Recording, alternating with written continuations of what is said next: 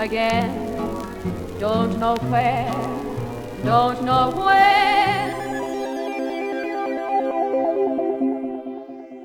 Velkommen til denne episoden av Arkivet freds- og menneskerettighetssenters podkast, som er laget i forbindelse med Hjemmeseilerseminaret. Her har vi nå fått med oss eh, forsker og historiker Guri Hjeltnes og forsker og historiker Gunnar Hatle Hoel. Velkommen. Takk. Og takk for deres eh, bidrag under eh, seminaret i dag. Kan dere starte med hver for dere, Guri først, og gi noen, eh, et lite resymé av hva dere har lagt fram om i dag? Jeg ble bedt å snakke om uteseilere og hjemmeseilere. Hvem seilte de for? Og der er det jo helt klart at uh, Satt på spissen. Eh, de som seilte i uteflåten, og de som seilte i hjemmeflåten, seilte ikke for samme sak. Eh, den ene seilte for de allierte, og den andre seilte for Hitler-Tyskland. Eh, og så reflekterte jeg litt rundt de dilemmaene som det var for de sjøfolkene som sto om bord i den flåten som ble tatt av av den tyske okkupasjonsmakten. Put it very simple. Veldig flott. Takk skal du ha. Gunnar, du snakket om Lauritz Pettersens bind i Handelsflåten i krig. Bind fem. Bind fem. Ja, det gjorde jeg. Et bind i et uh, bokverk som har uh, gjort uh, varig inntrykk på meg. Faktisk like siden det begynte å utkomme i 1992. Det var et tema naturlig å gripe fatt i. Mye fordi jeg da ville snakke generelt om historieskrivingen rundt hjemmeflåten, og eh, hvor langt vi har kommet videre på kunnskapsfronten siden eh, Lauritz Pettersens eh, bok forelå desember 1992, faktisk for snart eh, 31 år siden. Og da samtidig forsøke å gi noen eh, inspirerende pekepinner hvor vi kan ta forskningen videre, var vi eh, Ja, det store vi eh, historikere eh, kan arbeide mer med av temaer knyttet til hjemmeflåten og hjemmeseilerne i fremtiden. For det er jo ikke til å komme forbi at ganske lite er gjort på det feltet imellom. Men du kalte dette bindet et syvmilssteg i historieforskningen når det gjelder hjemmeseilerforskningen, stemmer det? Ja. Ja. Syvmilssteget tenker jeg er en veldig presis betegnelse. Her, med tanke på hva vi visste om hjemmeflåten før den boken utkom, og eh, hva vi fikk vite eh, der boken kom. Mm. Fullpakket eh, med ny kunnskap. Så da, da er begrepet syvmilssteg nærliggende. Og Guri, du skrev jo to av de bindene i den fembindsserien. Og jobbet jo også tett på Lauritz Pettersen. Vil du si litt om eh, tilblivelsen av eh, alle bindene, egentlig? Hvordan dere jobbet, hva dere tenkte Initiativet kom jo fra Bergen Sjøfartsmuseum, som eh, nok opprinnelig hadde tenkt et eh, litt mer avgrenset prosjekt knyttet til Nortraship og etableringen av det, som i seg selv var et pionerarbeid. At det arbeidet faktisk ble gjort de årene. Det er jo to av de fem bindene handler om Nortraship, og det er ett om hjemmeflåten, og så er det to bind om sjøfolkene. Eh, Så det er en storsatsing som er finansiert av Til syvende og sist ble det Handelsdepartementet og Utenriksdepartementet, og så ble det administrert av Norges allmennvitenskapelige forskningsråd. Så det ble et svært forskningsprosjekt på mange millioner kroner. Fire forskere, fire historikere og fem bøker. Uh, og det var helt klart at hjemmeflåten var inne helt tidlig, fordi Bergen Sjøfartsmuseum var der med, med to sentrale kolleger, Atle Tofsen og Lauritz Pettersen, som var i museet, som da skrev henholdsvis ett av Nortraship-bindene og ett om hjemmeflåten. Og så ble det lyst ut to stillinger til, en til om Nortraship, som gikk til Bjørn Bassberg, som har professor på Handelshøyskolen i Bergen i mange år.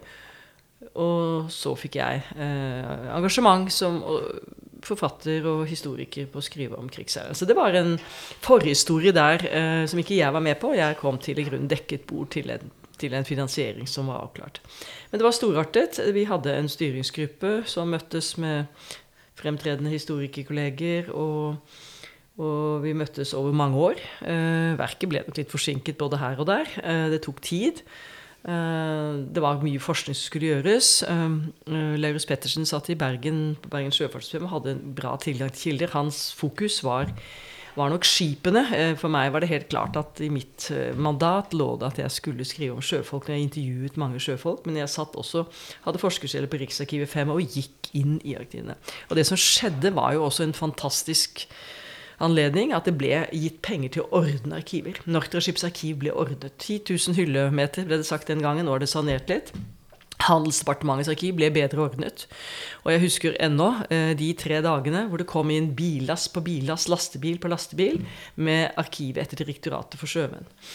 Eh, så det var en enestående sjanse å sitte da med gode kolleger eh, på arkivsiden på Riksarkivet og skrive dette for meg. Og også være iblant da på Bergen sjøfartsmuseum, hvor det også var da et fagmiljø, selvfølgelig med tre av de andre forfatterne bosatt i Bergen. Og, så det var et, et, et, løft.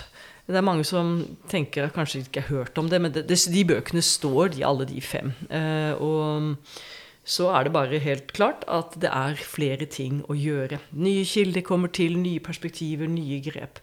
Vi var fire forskjellige historikere, og dermed ble bindene også preget av de av oss som førte pennen. Den horisont vi hadde. Ehm, så sånn sett så var det et spennende prosjekt som man lærte mye av. Mm. Og Gunnar, eh, du har jo en historiografisk tilnærming til denne historien. Hvordan har forskningen eh, utviklet seg siden 1992 på hjemmeseilere? Den har uh, utviklet seg i temmelig dempede former. Altså tilskuddene, tilskuddene til denne boklige stammen kalt litteraturen om hjemmeflåten, eh, de har kommet med ujevne, lange eh, mellomrom. Eh, og da bare svært unntaksvis er det snakk om bøker som da har viet større plass til hjemmeflåten og hjemmeseilerne. Det er heller et et uh, høyst underordnet tema uh, viet et uh, fåtalls sider. Så no, noen veldig få bøker bruker da mye plass på, på temaet. en av dem, Gunnar Grytås, og det er en systematisk fortegnelse over krigsforlis. han skal snakke i morgen her under dette seminaret.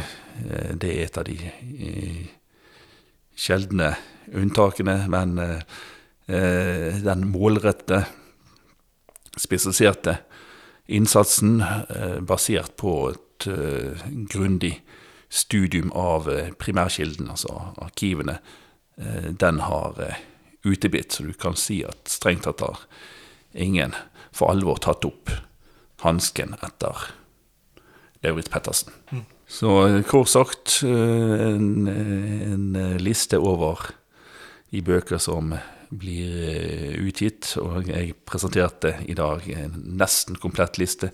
Den er forbløffende så, kort. Så det er forbløffende kort med tanke på at dette er en historie som du da mener burde vært fortalt i større grad? Ja, ja. det mener jeg. Det er en spennende historie.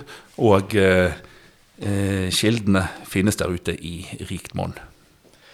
Guri, jeg har lyst til å spørre deg, hvis eh, handelsflåten i krig skulle vært skrevet i dag, hva slags eh, andre aspekter tror du ville blitt vektlagt, da, kanskje spesielt med tanke på hjemmeflåten og hjemmeseilere? Kanskje vi skulle si noe om hva hjemmeflåten var, til publikum som hører på oss. Eh, fordi at det er jo egentlig ganske enestående. For det er jo en stor mengde små, små skuter det som skjer, er at uh, Norge blir okkupert. Uh, og at uh, og Norge blir jo tatt sjøveien. Slik at helt umiddelbart, fra april av og fram under Holpsi felttoget fram til juni, så er det jo en kamp om den flåten som er i norske havner i norske kyst, på norske kyster. Og okkupasjonsmakten skjønner at den må du ha tak i. Slik at for okkupanten så var det utrolig viktig å bringe forsyninger videre. De hadde jo tropper, de skulle troppenstøttelse. Samtidig så var det helt klart for den norske sivilbefolkningen at det skulle fortsatt være terapeut. Men vi må huske at vi er nå i et samfunn eh, hvor det er veiløse samfunn. Men folk hadde høy, høyt, høy, levestandard, og de klarte seg uten bil, for det var ikke biler. Altså, de var båt. Altså, dette var jo, det er jo kyst, lang kystlinje. Eh, slik at, at eh, det ble en kamp om det, og det er jo særlig i perioden fra sommeren 1941 og fram til oktober 1942, altså når Hitler-Tyskland angriper Sovjetunionen, og når da brenningen av Finnmark og Nord-Troms finner sted, da er det det store trykket kommer. Altså det er umulig. Hurtigrutene blir jo erstattet. Erstatninga. Altså, Hurtigruten kan ikke gå. For det første er det enorme tap. For det er en del av de skipene som er i norske havner eh, våren 1940, for som naturlig var liksom, Det var krig, at man skulle ha forsyninger og alt mulig. De ble tatt. Mange av dem var kostbare, store passasjerskip. Men så ble, ble, ble de store hurtigrutene tatt, og det ble flere skip senket med ganske høye dødstall. Så ble de erstattet av andre skip, og det var fiskefartøyer og små båter. Det gikk ikke store skip lenger enn til Tromsø, og så gikk det små båter videre. Det er svære avstander vi snakker om. Skip er veldig viktig transportmiddel for forsyninger til sivilbefolkningen og for okkupanten. Men det er også krigsmateriell som bringes, det er tropp som bringes. Og det som skjer, er at det er jo mange allierte angrep på disse skipene. Slik at da norske sjøfolk som er om bord på disse tyskkontrollerte skipene i hjemmeflåten, de opplever å bli angrepet av allierte. De som de egentlig er på side med. Så det er en smertens, smertens situasjon. Altså, de seiler under i tysk for tyskerne. De må, Det er tvang, det er mannskapsmangel.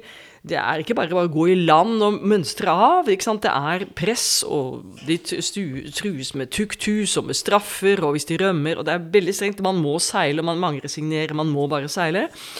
Og føler at dette er, dette er jo ikke den kampen jeg vil føre for mitt hjemland, men må seile den flåten. Slik at det er en Sjøfolkene er klemt, uh, holdt på å si, mellom venn og fiende. Og, og det, er, eh, det, er, litt færre angrep i 42, der liksom hovedtrykket ligger i Atlanterhavet. Men fra 1944 av og 344 av, så er det mange britiske angrep på denne flåten. For da er man også opptatt av ikke sant, Det er jo Murmansk-konvoier som skal gå videre. Det er store angrep, og dermed er det store tap. Så hvis vi ser på tapslistene på hjemmeflåten, er jo altså over 1000 mennesker som blir drept. Og det er jo ikke bare sjøfolk, det er mange passasjerer. Det er mange sivile. Og det gjør veldig ytre ut når du ser liksom på, på, et skip hvor det er sånn byssepike, det er kokken, det er stuerten, det er fyrbøteren. Store tap. Altså Du har disse kjente tapene, selvfølgelig, som Richard Witt, som er et stort antall, men det er mange hurtigruter. Og så har du Rigel, den katastrofen i november 1944, hvor det er altså 2800 først og fremst sovjetiske krigsfanger om bord, men også noen hundretalls tyske soldater og andre, og bare noen få, få overlever. Det er, det er, store dramaer og store tap. Slik at det er, det er Det har jeg bare lyst til å si, det er jo det som preger hjemmeflåten. Det er dette trykket for de som seiler om bord. Eh, ved at de burde egentlig være et annet sted, men de må seile. De må, det er også brødpolitikk. Det er et rasjonert samfunn. Det mangler ting. Folk må ha lønn. Men det er også tvang. Det er tvang. Det er jo slik at de som seilte på utenriksflåten, hadde jo Det ble også innført arbeidsplikt. De måtte seile. Du kunne ikke bare hoppe når du var sjømann. Men de færreste hadde ikke lyst til å hoppe. Sjøfolkene trivdes om bord i båten. De gledet seg til når de, Det er greit at de kunne være i land og landlov og feire og feste og ha det gøy, men det var, var litt deilig å komme hjem. På en båt er det rutine, det er rutine, det er rutine. Det er trygt, og det er safe. Selv om du seiler i utrygghetsfelt, så er det også et hjem. Slik at det er det livet. Men, og en sjøfolk Hva er det som gjør at sjøfolk går om bord? Norge er en sjøfartsnasjon. Norge har jo det er jo dype tradisjoner. Vi er her i Kristiansand kysten rundt. Folk har gått til sjøs. Men ikke nødvendigvis av patriotiske årsaker, men var det noe man gjorde? Man ble voksen, man gjorde det for noe. Det var et yrke. Det, var stolt, et, et stolt yrkesslag. Og så er det helt klart at de som seilte uteflåten, de fikk jo mange en opplevelse av at de seilte for noe viktig, i og med at de var om bord på den norske handelsflåten. De var rekvirert av Norterskip og alt mulig. Helt kontrast til de som seilte hjem, i, i, i, hjemlige farvann. Det var en helt, det var ikke den holdningen.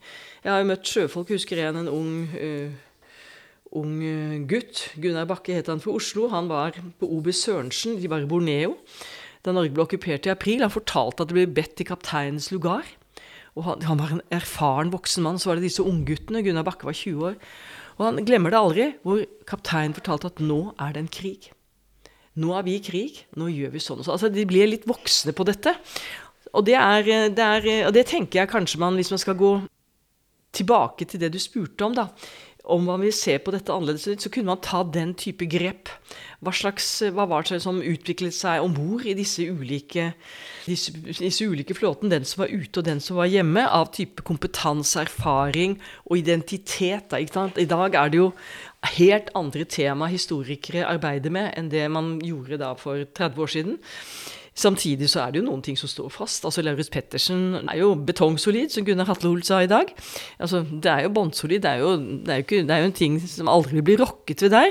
Men det kan være en annen tilnærming som man nå kan gå videre på, og som jeg håper da man vil gå videre på. Og um, Det har vært etablert i dag at uh, Lauritz Pettersen var mer opptatt av skip enn mennesker.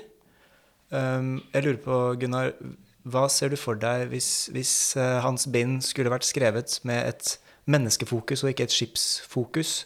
Eh, ville det forandret eh, historiefortellingen, tror du?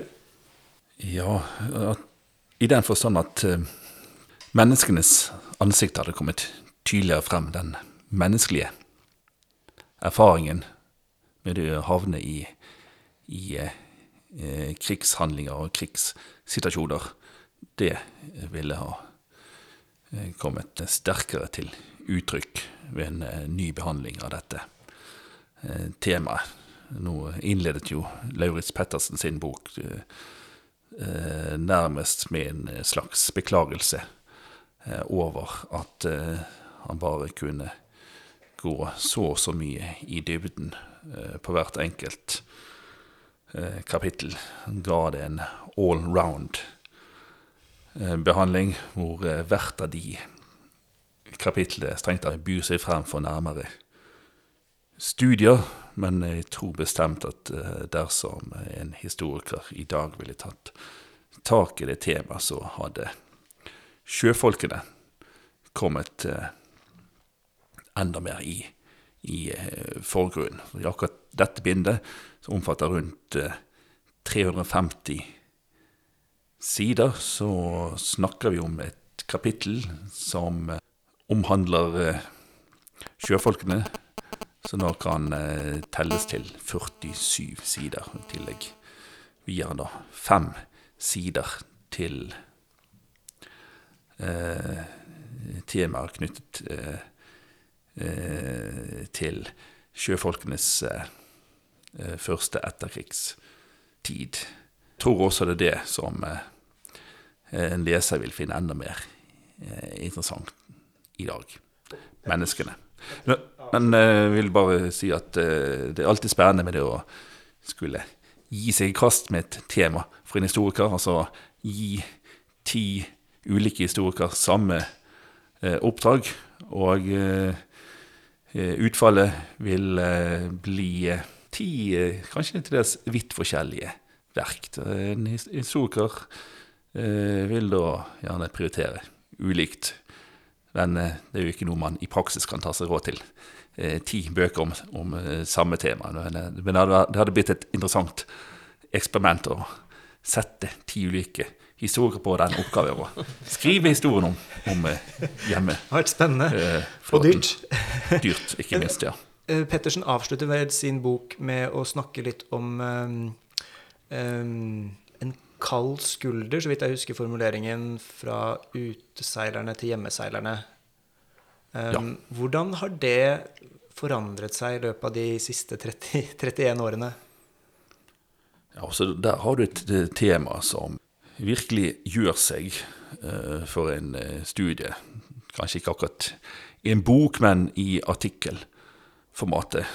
Uh, Lauritz var jo noe inne på det, men eh, på en måte som bare strengt tatt utgjorde å skrape på overflaten.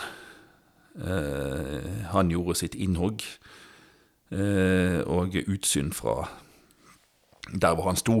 Det var et, eh, et umiddelbart inntrykk at de ble vist en kald skulder. Jeg kan jo ikke ut fra det jeg har lest i mellomtiden, tro annet enn at han var, var temmelig presis i den betraktningen.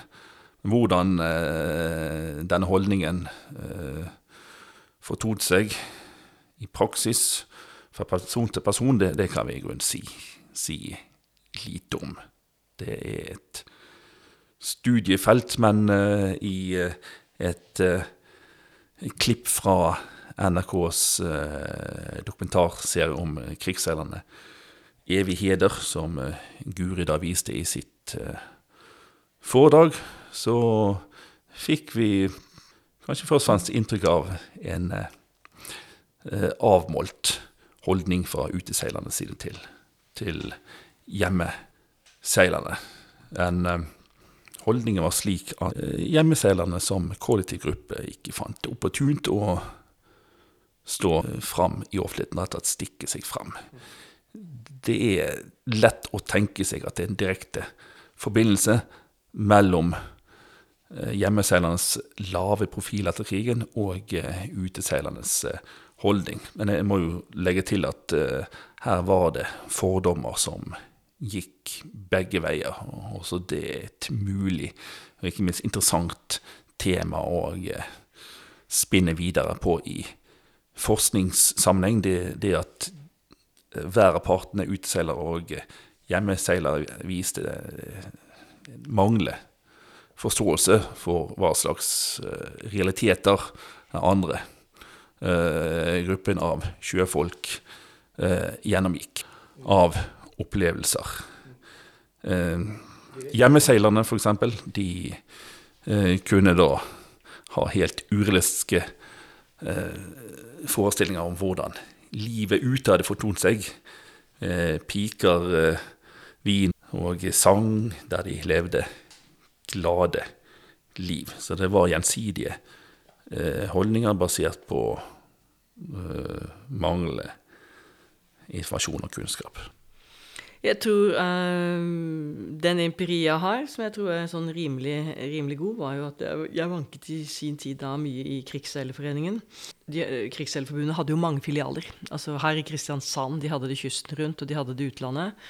Og det er helt klart at hjemmeseilerne og hjemmeflåten var ikke et tema. De var ikke med. De var ikke invitert inn på veterantreff. De var ikke med.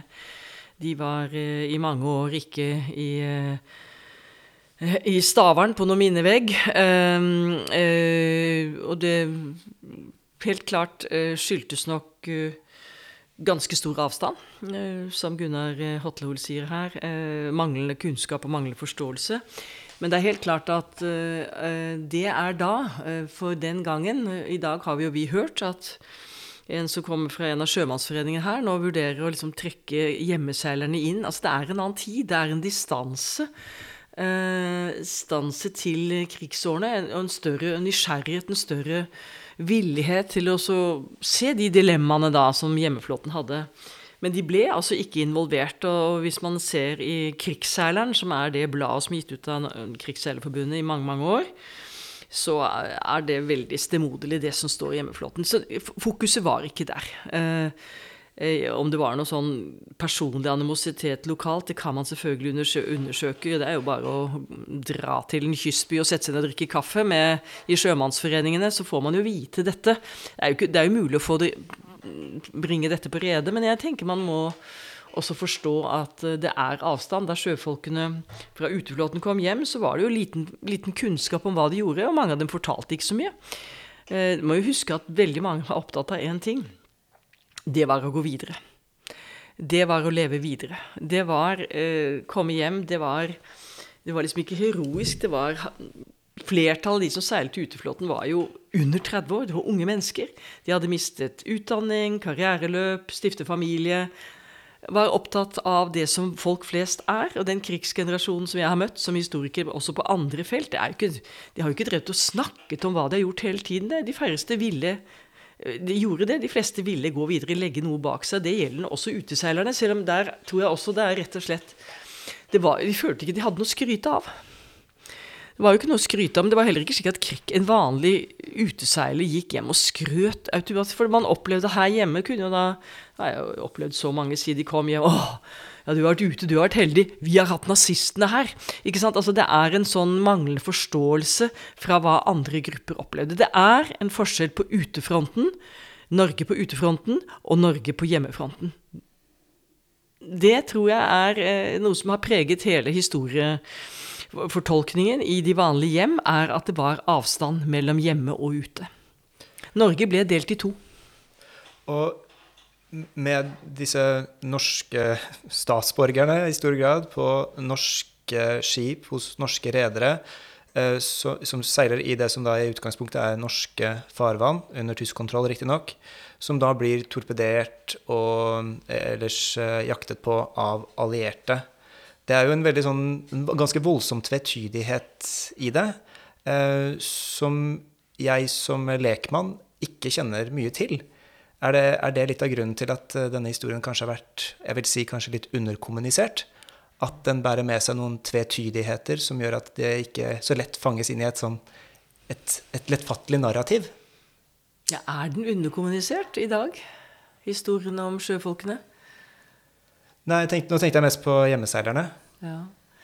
Jo, jo, men den er jo ikke underkommunisert. Nå er det et standardverk, men det er kommet noen år siden, og så kommer det nye generasjoner til. Ja, nei, absolutt. Øh, men det er en Dette må vi bare resonnere i. Det er en enorm interesse for krig og okkupasjon. Og det er helt klart at av de temaene som står i fronten nå i dag, så er det jo ikke hjemmeseilerne. Det er hele holocaust, for å si det sånn. Altså, hele okkupasjonshistorien er jo nå nesten preget av helt en helt annen fortelling. Helt annet narrativ. ikke sant? Den er dominert, så på hele tatt så er jo den maritime delen et stykke på vei borte. Selv om det er jo noen som prisverdig holder dette gående, og ikke minst her i Kristiansand, så har man jo faktisk et et norsk senter for krigshistorie og krigsseilregistre som er helt enestående. Det finnes jo ikke noen andre land som har det. Eh, og at man da har fått støtte til det, både privat og offentlig, er jo et tegn på respekt for at dette er et viktig arbeid. Eh, så ja, eh, på en vis er det borte fra horisonten. På en annen side så tenker jeg Jeg er jo litt sånn. Jeg er jo sjef på et forskningssenter, jeg er optimist. Jeg mener at hvis vi sprer kunnskap og forteller historien. Det kommer skoleklasser til oss på HL-senteret, det kommer skoleklasser hit til Arkivet i Kristiansand, det kommer skoler til Narvik-senteret, det kommer skoler til Falstad-senteret, det kommer rundt Baut. Eh, på alle vestlandsmuseene. Overalt så kommer det unge mennesker. Og så må man formidle en historie, da. Så det er jo litt opp til oss som sitter i de posisjonene at vi kan formidle. Så kan det jo være andre ting som er hovedfokus, så kan man jo putte inn noe maritimt inne. Men det er klart at maritim historie i skolen er jo ikke veldig sterk, da Det er jo Gunnar Hatlekohl i dag nevnte noen klassiske verk hvor lite det er skrevet om det. Det, jo, det står jo ikke veldig mye i Berge Furus norgeshistorie om handelsflåten. Altså, det er jo eksempel på eksempel. Hvis man først leter, så er denne handelsflåten borte. Men, eh, og, men nå er den jo ikke det i nyere historieskrivende. I dag kan du jo ikke skrive om annen verdenskrig uten å nevne noe om innsats og nedbetaling, og seilte inn for de allierte og seilte de alliertes kamp. Jeg er jo fornøyd for én ting som jeg greide å hamre inn den gangen. Det var litt sånn uenighet hvor alt mye fokus skulle være på krigsseilerne fra andre veteraner. Men det å hamre gjennom at dette er Norges viktigste bidrag til allierte seier, den har jeg hamret på. Det er ingen som tør å si noe annet i dag. Men dette ble ikke sagt før. Jeg hadde veteraner som ringte du må ikke bruke så mye tid på krigsseilerne, Hjeltnes. Du kan ikke ha, skrive dobbeltside i Aftenposten om dette. Det er liksom den type ting. Som syns at det tok fokus fra annet motstandsarbeid og den type ting. Dette opplevde jeg for 30-40 år siden. Opplevde det for 25 år siden. Slik at uh, der har verden gått framover den maritime historien er løftet fram. Men jeg er helt enig i at hjemme, hjemmeflåten fortjener nytt blikk. Og, men jeg har også lyst til å si supplerende blikk, fordi at det finnes tross alt noe basisarbeid som man ikke trenger å gjøre om igjen. Det er, jo, det er jo noe som foreligger, og så får man gå videre med hele det fantastiske kildetilfanget som i dag finnes. da. Mm. Hvor eh, skal forskningen om hjemmeseilerne gå videre, tror du, Gunnar? Det er et uh, godt spørsmål, og svaret på det blir uh, ren gjetning. Uh, hvor går vi? kanskje Jeg kommer med et, det jeg kalte et stalltips om at neste større bokverk om hjemmeseilerne, det vil realiseres i form av en antologi. Eller så kan vi heller snakke om hvor vi eh, bør gå.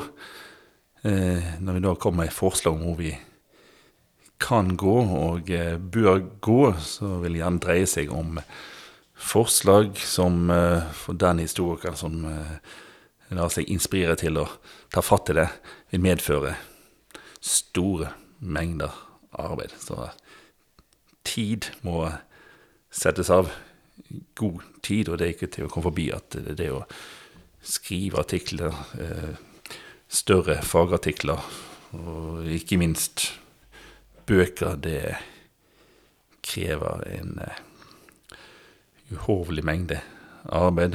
Eh, særlig hvis du da tar sikte på å tilføre det ny kunnskap. Det å orientere seg i det jeg kaller arkivkildejungel, det er tålmodighetsarbeid. Og da må også rammebetingelser for å kunne utføre den slags eh, arbeid være der.